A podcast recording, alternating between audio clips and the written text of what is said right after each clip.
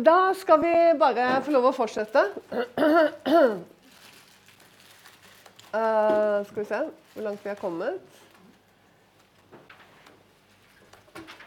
Ja, Vi går tilbake der, for vi hadde en liten rest nedi hjørnet der. og Det er fra andre Peters brev, første kapittel. Og Der er det noe som er viktig med tanke på at vi nå fortsetter i uh, profetordet i Bibelen. Eller pro Bibelens profetier som jeg har kalt for Bibelens lim. Mm.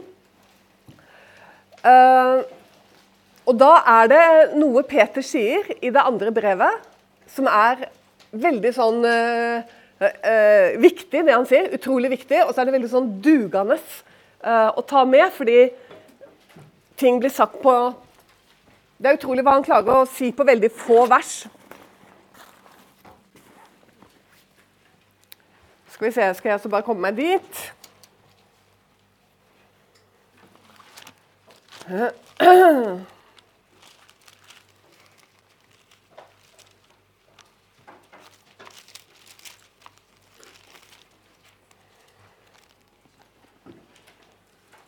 Ja, og da leser jeg fra det 19. verset, som blir på en måte en sånn introduksjon for oss til eh, fortsettelsen i dag.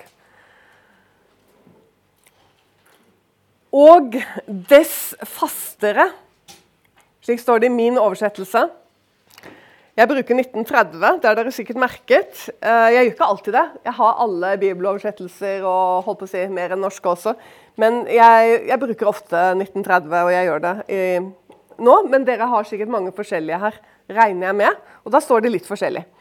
Dess fastere har vi det profetiske ord, som dere gjør vel i å akte på, som på et lys som skinner på et mørkt sted. Inntil dagen lyser frem og morgenstjernen går opp i deres hjerter. Idet dere først og fremst vet dette, at intet profetord i Skriften er gitt til egen tydning. Wow.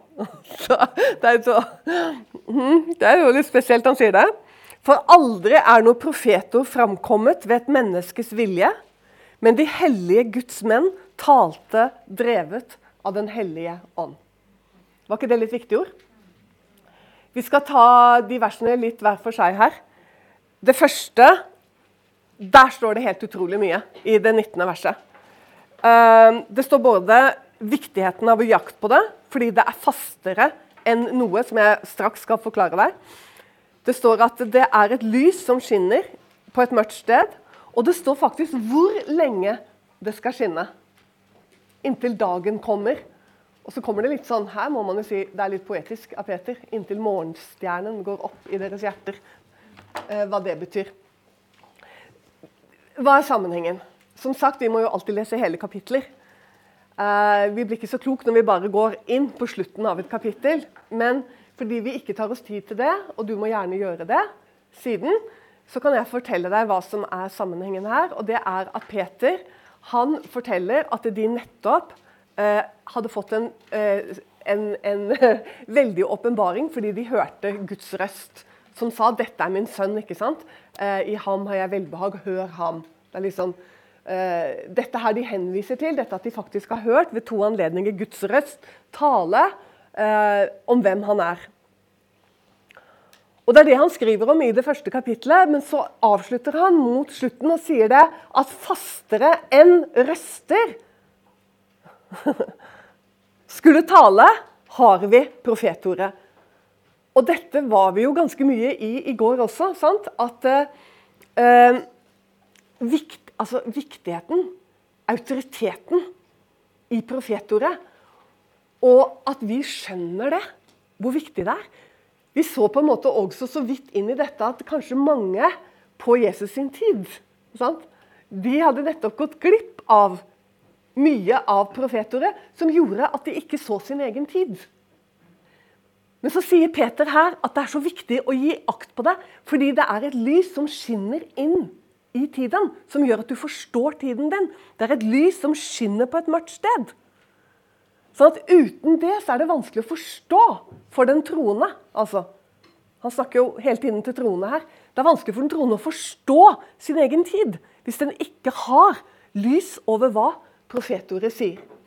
Så derfor, på samme måte sant, som de på Jesus sin tid, gikk, mange gikk glipp av fordi de ikke kjente Skriftene. Rett og slett. Men så jo dette, blir jo dette veldig relevant også for oss. Og jeg tenker liksom At Peter sier dette, det gir det jo også, det gir det også en, eh, en spesiell autoritet av erfaring. Eh, husker dere, Vi var innom dette bibelverset med at de forsto ennå ikke Skriftene. sant? Dette at de, hadde, de, de, kommer til graven, de ser at han ikke er der. Og, og, blir oppstyrtet for det, liksom. Og tanken er på en måte at noen har rappa han eller tatt han eller et eller annet sånt. Noe sant? Og, og Maria sant? hun gråter og 'Er det du som har tatt han? Si meg hvor du har lagt han', og sånn. Og han har jo sagt Han har jo både sagt det selv, men som vi så, så var det viktig at det var Skriften og det Jesus sa. Sant? For Jesus sa aldri noe annet enn Skriften. Så derfor var det Skriften og det Jesus sa, sant? som bekreftet det. Og det synes jeg er litt sånn, Peter var jo en av dem som kom løpende og bare for av gårde igjen. ikke sant? Og var ikke helt sikker på, og var fortsatt like redd. og De satt jo bak låste dører og var kjemperedd liksom, i de første dagene etter at han hadde stått opp, og før han hadde vist seg for dem. Og skikkelig, liksom. Så Peter vet hva han snakker om her. Og han vet jo, sant? Så han sier liksom Hvor viktig er det ikke at vi skjønner profetordet, og hvor nøyaktig det er, og hvilken sant? Det er har, og, og, og bokstaveligheten, for det er vel det de har gått glipp av òg, sannsynligvis. Ikke sant? Altså Du har trodd og liksom, du har skjønt at ja, ja, sant, det er en sånn, men du har liksom ikke klart helt å fatte hvor bokstavelig det er. Og det tenker jeg er flott men at det er nettopp Peter også som skriver dette. Fordi eh, han har erfaring på å nettopp ikke ha tatt eh, ordet så alvorlig som han burde, sa, burde gjøre, både i forhold til Skriften og hva Jesus selv sa. Um, og Peter er jo litt søt, for han er jo veldig sånn ivrig hele tiden. Om alle andre forlater deg, så skal jeg uh, gå i døden. Og, sant? Liksom, han er veldig der, da. Han er veldig på. Uh, og det gjør at han dessverre også tråkker liksom utpå mange ganger, og det går gærent for han. Men så, men så, får han også en veldig flott base igjennom tenker jeg, alle disse glippene hans. Hvor han får mye erfaring og autoritet som leder. Uh, og det er jo det han blir reist opp til en skikkelig leder. Med først og fremst vet vi at Peter da, mot uh, den jødiske menighet i Jerusalem. Men la oss da gå tilbake til det 19. verset.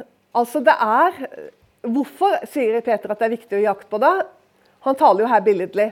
Han sier at det er eh, det er fastere altså, enn om en røst skulle tale fra himmelen. Og det er det vi tenker. Å, hadde jeg bare hørt, liksom. Hadde jeg bare hørt en stemme. Hadde jeg bare fått et syn. Så sier Peter at fastere enn noe av dette her sånn, er profetordet, da, helt spesielt i Skriften. Fastere enn alt dette her.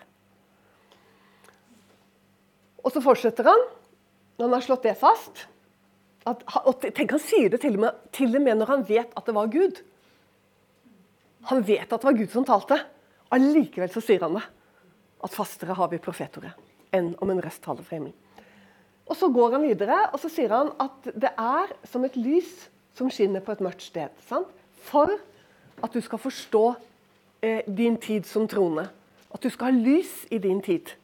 Profetordet gir deg lys. Og vi som lever nå, er jo kjempeheldige. For vi lever jo i en tid hvor profetordet bare stråler for oss. Eh, og begynte med det.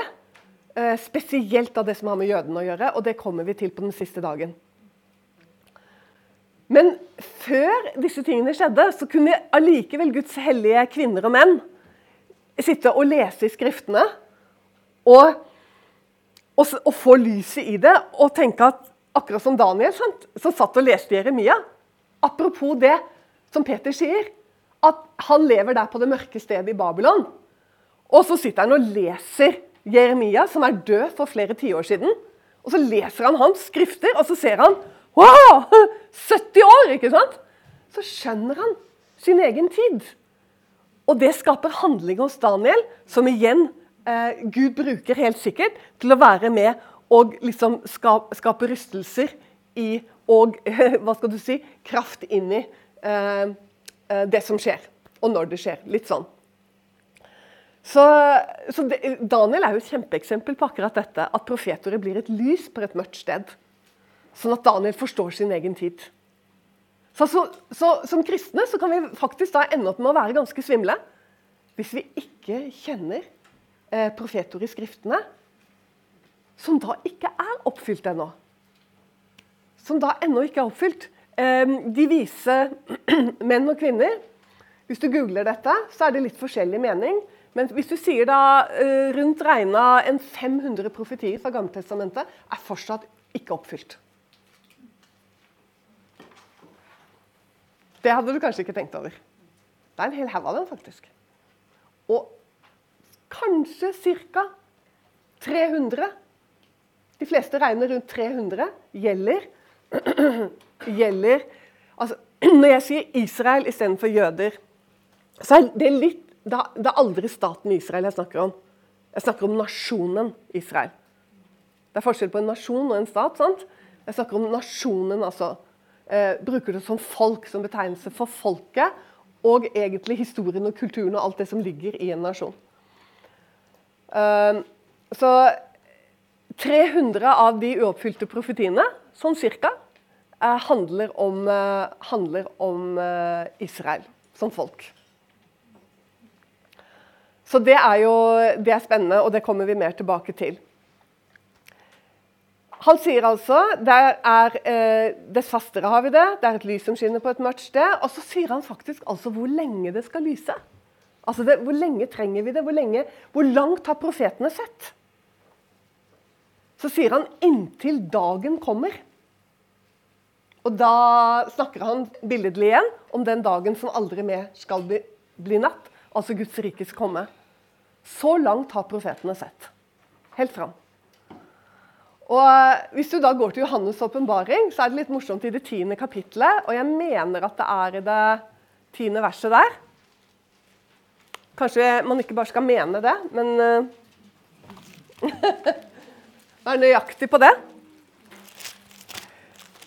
Uh, kapittel 10 så er det en sånn liten interessant uh, lite vers der i det syvende verset, i kapittel 10, så står det «Eh, Men i de dager da den syvende engels røst blir hørt, når han skal blåse i basunen, da skal Guds hemmelighet være fullbyrdet, slik som han har forkynt dem for sine tjenere, profetene.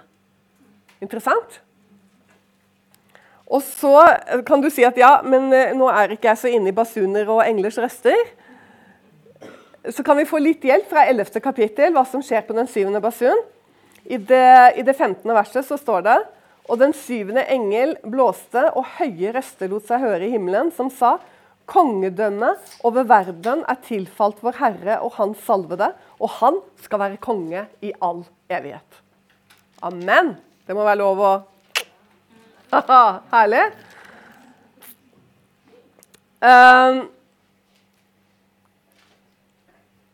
eh, kongedømmet over verden er, tilfalt for Herre, og han salvede, og han skal være konge i all evighet. Så, så det er uh, spennende hva Peter klarer å få sagt i løpet av ett vers. Han sier hvorfor det er viktig, og han sier, eh, han sier noe om eh, ikke sant, nei, han sier noe om hva det er. Hva det er. Fastheten. Så sier han hvorfor det er viktig, fordi det er et lys i mørket. Og så sier han hvor lenge. Og det gjør han i ett vers. Det er, det er å stappe det godt, syns jeg. Og så, dere Så sier han jo dette med morgenstjernen går opp i deres hjerter. Og vi vet at eh, Bibelen slutter jo med at Jesus eh, kommer med dette at 'jeg er Davids rotskudd og ett, den klare morgenstjernen'. Og her sier han, eh, som Johannes introduserer han i første kapittelet, med at han som er ordet ikke sant? Eh, Ordet ble kjød og tok bolig blant oss. Altså profetordet som her er eh, Peter igjen billedlig når han sier Han sier bare hvilket lys han bruker. Jo, han bruker eh, morgenstjernen som bilde på en som stråler i mørket, som lyser i mørket. Som en lyskilde, rett og slett. Og han gjør ikke det for ingen grunn. Han gjør det jo fordi Jesus har kalt seg for morgenstjernen. For det kommer jo igjen i åpenbaringen. Så her er det en sammenheng imellom, imellom uh, disse to uh, billedbrukene fra Jesus sin munn og fra Peters sin munn. Nemlig morgenstjernen. Som, han sier at det er den klare morgenstjernen. Vet dere hva morgenstjernen er i Bibelen? I vår hvilket, hvilket lysfenomen er det? Er det bare en sånn vakker uh, hva skal jeg si, et vakkert, vakkert ord, liksom? Sånn, eller er det noe konkret, liksom? Har dere tenkt over det? Ja? Det er, det er faktisk ikke en stjerne, det er en planet. Men Bibelen kaller den for stjerne. Og det er, og det er Venus som er morgenstjernen. Men eh, den heter jo Vi kan jo si at den heter morgenstjerne. Venus er jo fra gresk mytologi. ikke sant? Og vi vet at Gud har gitt alle stjernene navn. Det står i Bibelen. Vi har navn. Så eh, jeg skal ikke krangle på det, stjerne, planet og sånn, men eh, det er en helt annen greie. Men, eh, men, det er altså Venus som er bare litt sånn astronomia.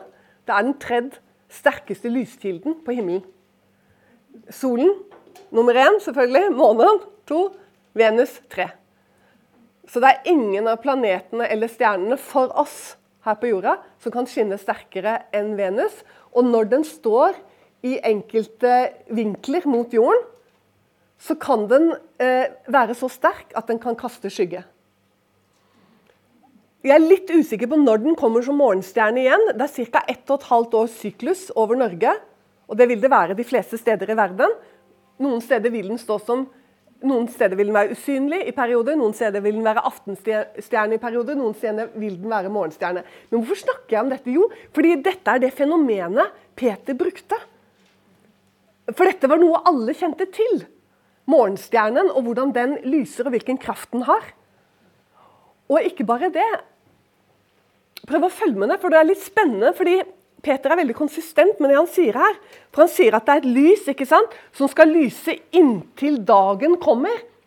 Og Dette er ganske kult. For morgenstjernen, eh, når den kommer som, eh, som morgenstjerne igjen Jeg er ikke helt sikker på når det skjer. Det kan du sjekke og google etterpå. Fordi det som er gøy, og jeg har gjort det mange ganger, det er å stå opp når det er mørkt. Og se den komme opp over horisonten. Og den kommer alltid før solen. Morgenstjernen eller Venus vil alltid følge solen. Enten den er aftenstjerne eller morgenstjerne. Sånn at før soloppgang så vil da Venus komme opp først. Og hvis den er veldig sterk, så er det så flott å se! Kanskje du har sett det noen ganger? Så står du der på vinteren i fem-seks-tiden om morgenen, det må jo selvfølgelig da være helt klart.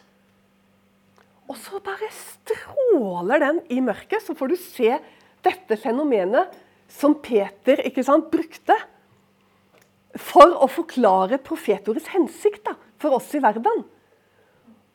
Og så må du fortsette å stå der, da, for du må vente til solen begynner å komme opp over horisonten. Fordi at Når da solstrålene fra solen begynner å komme opp, så blir det gulrødt ikke sant? i, i, i skjæringen. Begynner å bli gulrødt, og Da ser du at morgenstjernen blir blekere. Og jo mer da solen kommer opp, så bare forsvinner etter hvert morgenstjernen i lyset av dagen. Solen, så jeg Morgenstjernen går opp i våre hjerter. ikke sant? Altså dagen har kommet. Og sånn at Jesus han, kaller, han er ordet. sant? Johannes sier at han er ordet som ble kjød og tok bolig blant oss. Men vær klar over at alt profetord sin essens da, er å bli kjød. Det er å bli kjøtt og blod. Fordi det er talt for at det skal bli virkelig. Et godt eksempel som du kan lese før du legger deg i kveld Du får jo alltid disse her, eh, sant? Det er jo ingen av det er derfor jeg spurte om dere hadde sovet godt. ikke sant? For dere får jo så mye å lese. Jesekel 37. Les det. Jesekel, profeten Jesekel 37, for da får du et godt eksempel på det at profetordet blir kjøtt og blod. For da ser Jesekel alle disse beina som ligger eh, Et helt uhyggelig syn, egentlig. Han ser masse sånne tørre skjelettbein som ligger strødd ut i dalen. Og så plutselig kommer det en røst fra Gud som sier Skal disse ben bli levende? Og Jesekel han bare ja, Hallo, liksom, det vet du, Gud. Han liksom har trillet ballen tilbake til Gud. Uh, og da kommer dette Dere tørre ben, hør Herrens ord. Og så bare ser Jesekel hvordan beina får, liksom, finner hverandre. Og det kommer sene på dem og, og, kjøtt på dem og hud på dem. Det er helt merkelig syn. Men dette er et utrolig godt bilde på hva profetordet er. Altså Det er han som taler, og det skjer. Og det har ingen betydning om han talte for 500 år før det skjer, og så skjer det. Eller om det er 1000 år. skjønner du? Det har ingen betydning. For Gud er 1000 år som en dag. Det er Bibelens ord. Det har ingen betydning. Det er samme greia som når Gud skapte verden sånn. Han taler, og det må skje. Det må bli virkelig. Ok, Da, da har vi tatt, uh, tror jeg vi har tatt dette med Peter her nå som en introduksjon bare til uh, å gå videre. Og da er det veldig bra med denne overskriften 'Jesu vitnesbyrd er ånden i profetordet'. Og det er det vi skal gjøre i dag. Vi skal rett og slett grave dypere inn. Vi drev litt sånn uh, i går med deg og hadde sånne smakebiter og holdt på. Men i dag skal vi gå mer systematisk til verks om disse profetiene som åpenbarer Jesus i Bibelen. Tenk deg da om du tar ånden ut av profetordet. Da Da detter jo det hele sammen. Så hele det som bærer profetordet, det er Messias. Fra begynnelse til slutt. Så sånn sett kan du si at profetordet er Bibelens lim, men Jesus er også Bibelens lim. Fordi han er ordet. Og da fortrinnsvis så er han da profetordet. Det er det det betyr når Johannes sier at han er ordet. Han er profetordet. Han er det som er talt og forkynt, og som skjer. Ok, Da går vi rett på sak. Messias seier over Satan. Det er ganske stilig at det kommer allerede i tredje kapittel i første Mosebok. Og Den profetien, har dere vært borti den allerede? I en eller annen sammenheng, kanskje? Det er Bibelens første profeti.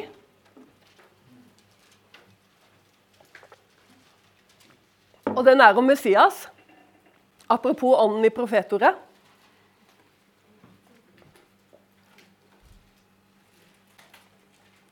Og den kommer på en måte som en sånn altså Den kommer jo fra Gud, fra hans munn. Dette er underfulle ting. Og det kommer over Satan.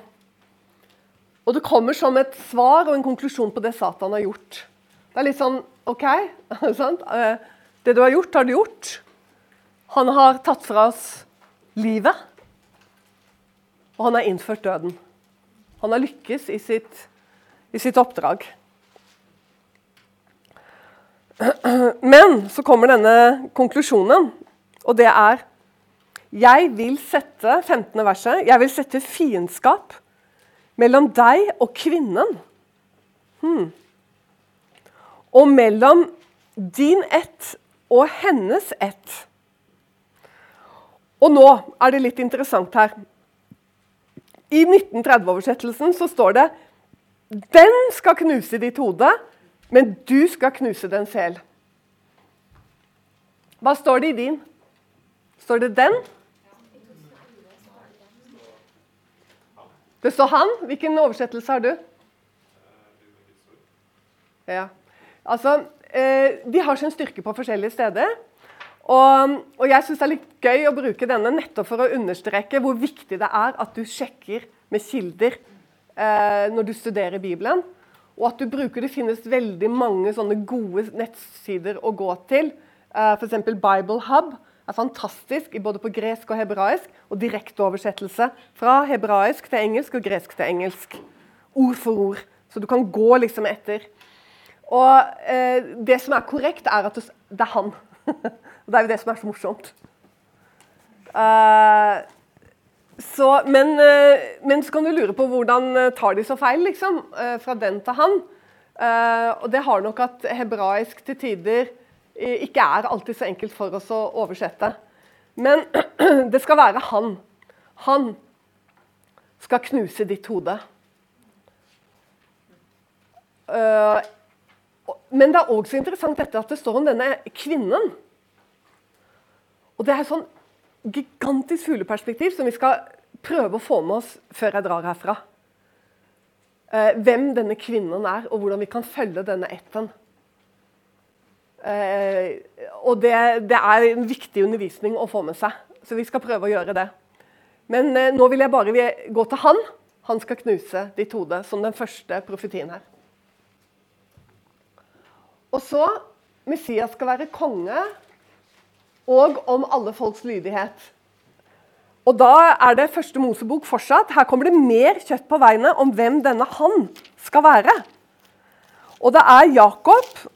Hvem er Jakob? Jakob er barnebarnet til Abraham, bare for deg som er veldig sånn ukjent uh, fortsatt med Bibelen. Jeg tenker at Det er ingen som ikke vet dette, men jeg sier det likevel. Og Jakob er stamfaren til uh, til Israel, egentlig. For det er jo hans tolv sønner som blir til Israels tolv stammer.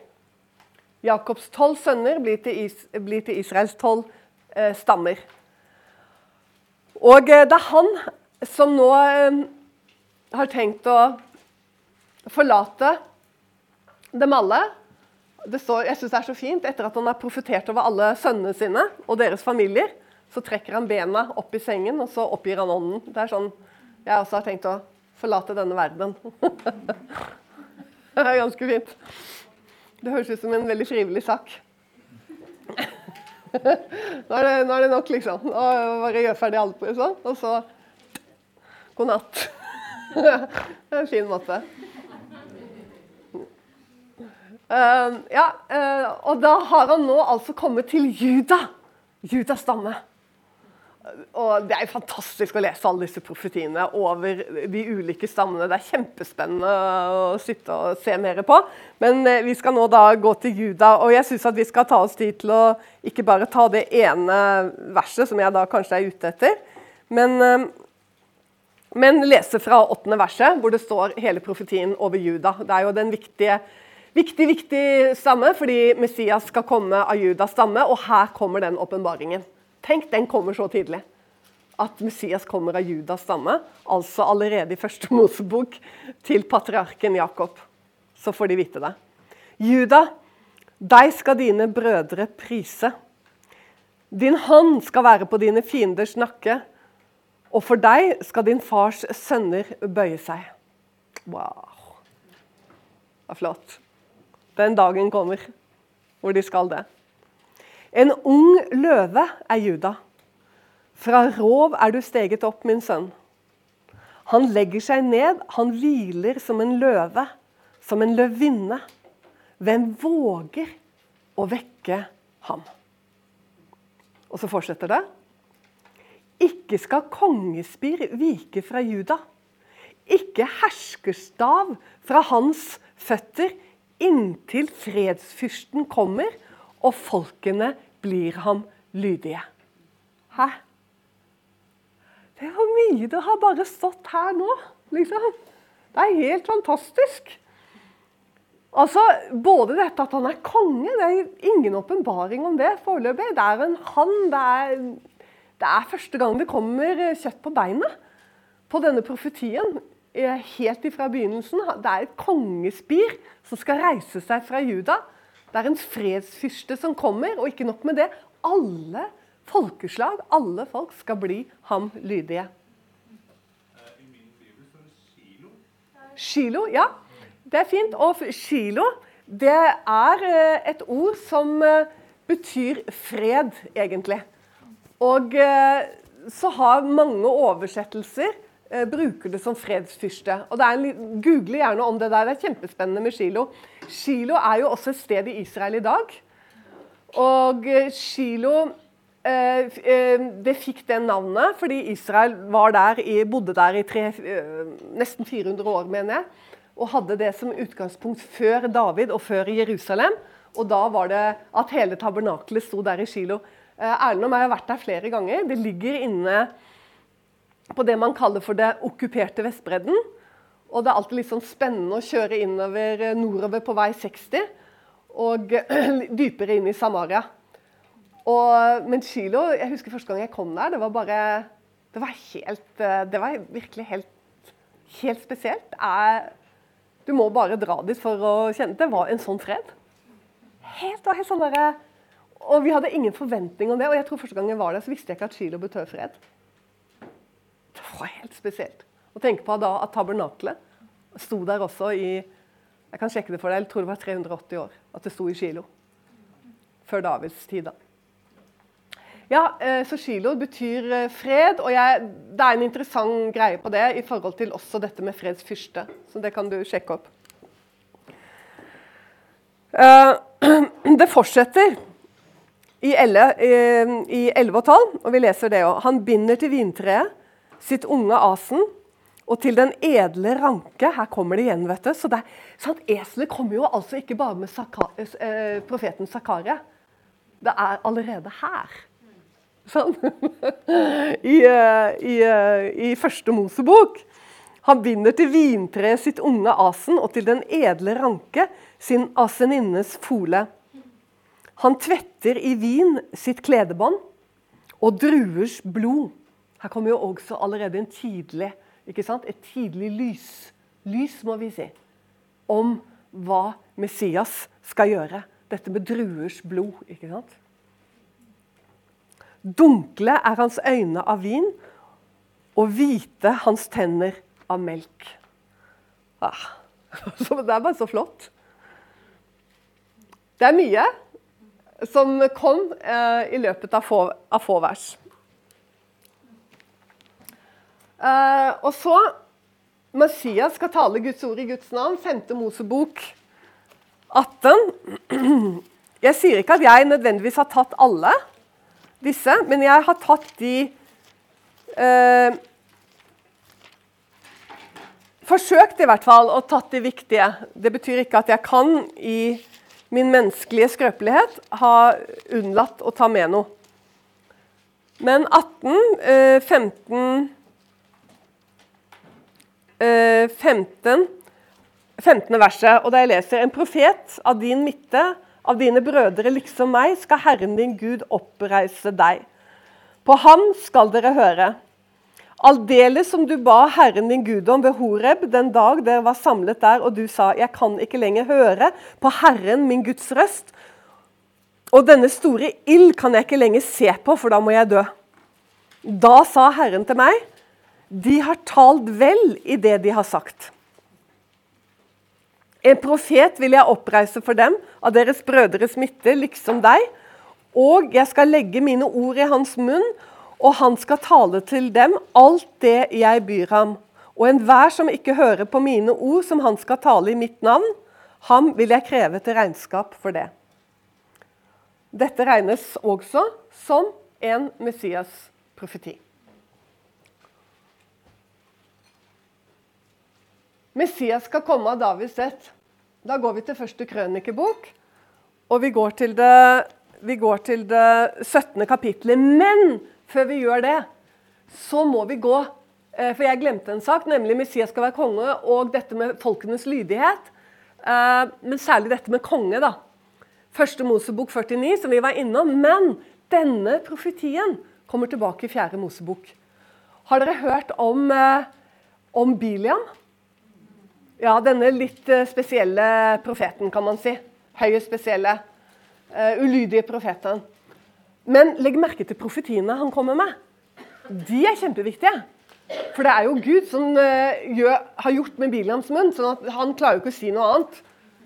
han, har jo, han, har jo, lyst til å forbanne Israel, men han klarer jo ikke å gjøre noe annet enn å tale det Gud legger i munnen på han. Og, og, jeg vil at du skal bli med til fjerde Mosebok før vi går til femte. Fordi det er ganske spesielt, det som kommer fram der i, eh, i det 24. kapittelet.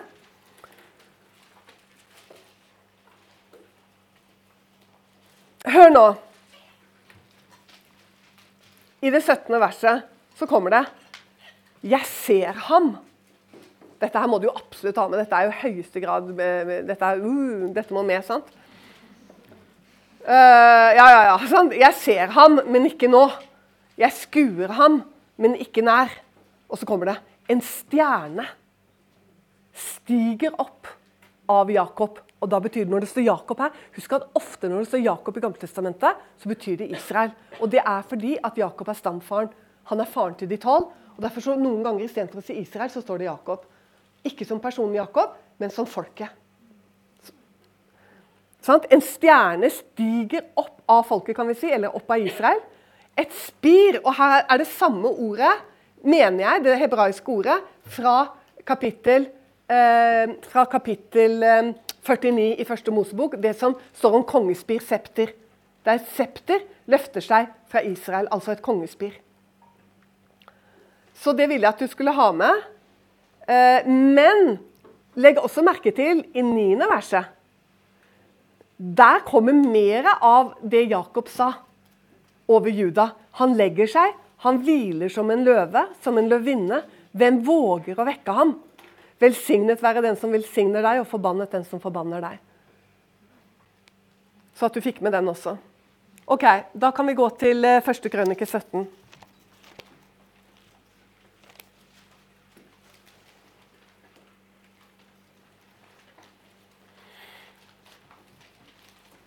Det som er uh, sammenhengen her, det er at uh, uh, David han er nå blitt konge for Israels tolv stammer.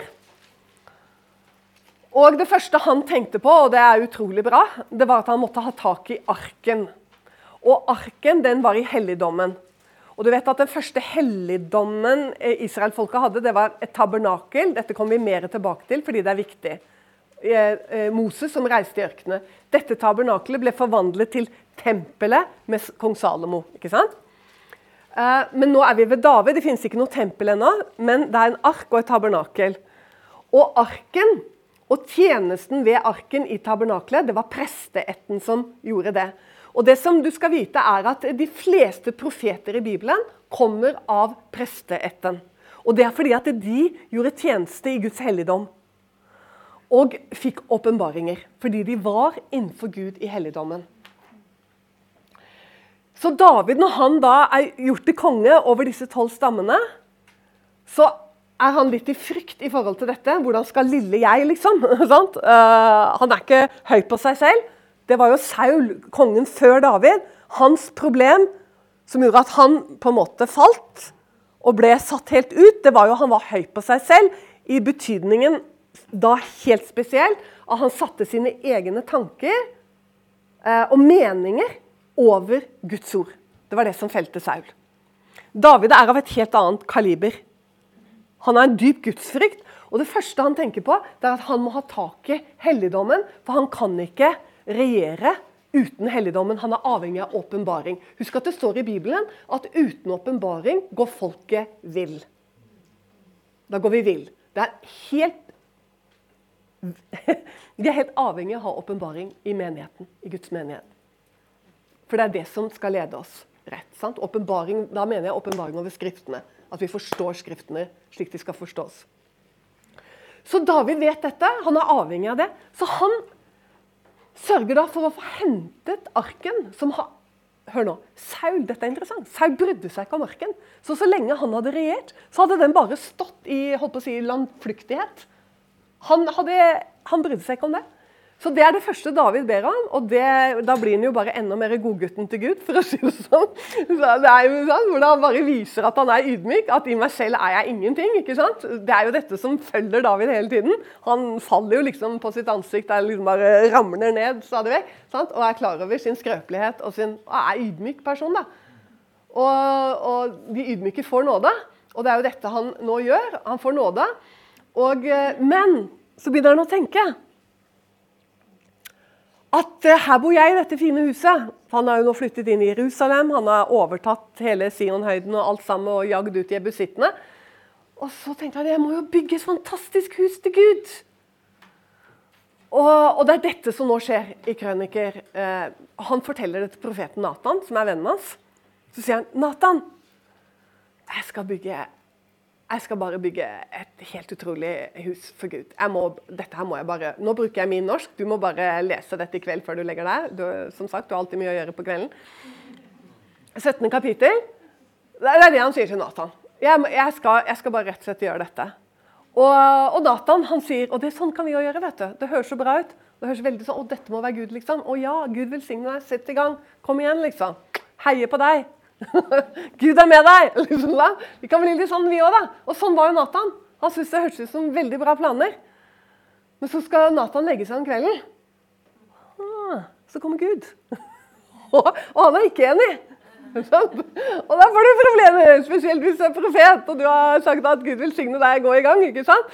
Uh, Gud er ikke enig. Og så kommer det litt humor her.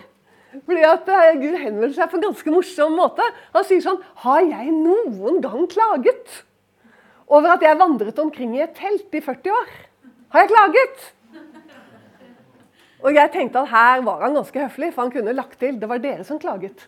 Så, Det var ikke meg. Har jeg noen gang klagd over dette teltet? Nei. Så, han bruker humor, rett og slett. Og så sier han, 'Gå og si til David han skal ikke bygge noe hus for meg. Men det er jeg som skal bygge et hus for han. Og her kommer jo en Messias-profeti. ikke sant? Fordi det, det, som kommer her, er at han åpenbarer eh, for eh, David at det skal komme en. Han skal reise opp en sønn, står det. her. I din ett som skal komme, en av dine, skal jeg reise opp, og han skal være konge. Og han ikke bare skal være konge, han skal bygge mitt hus. Og Jesus sa jo ikke sant, at riv dette tempelet ned, og jeg skal bygge det opp igjen på tre dager. Er ikke det litt, uh, er ikke det litt sånn bra å få med seg? Stå med oss økonomisk og i bønn. Du finner oss på utentvil.com.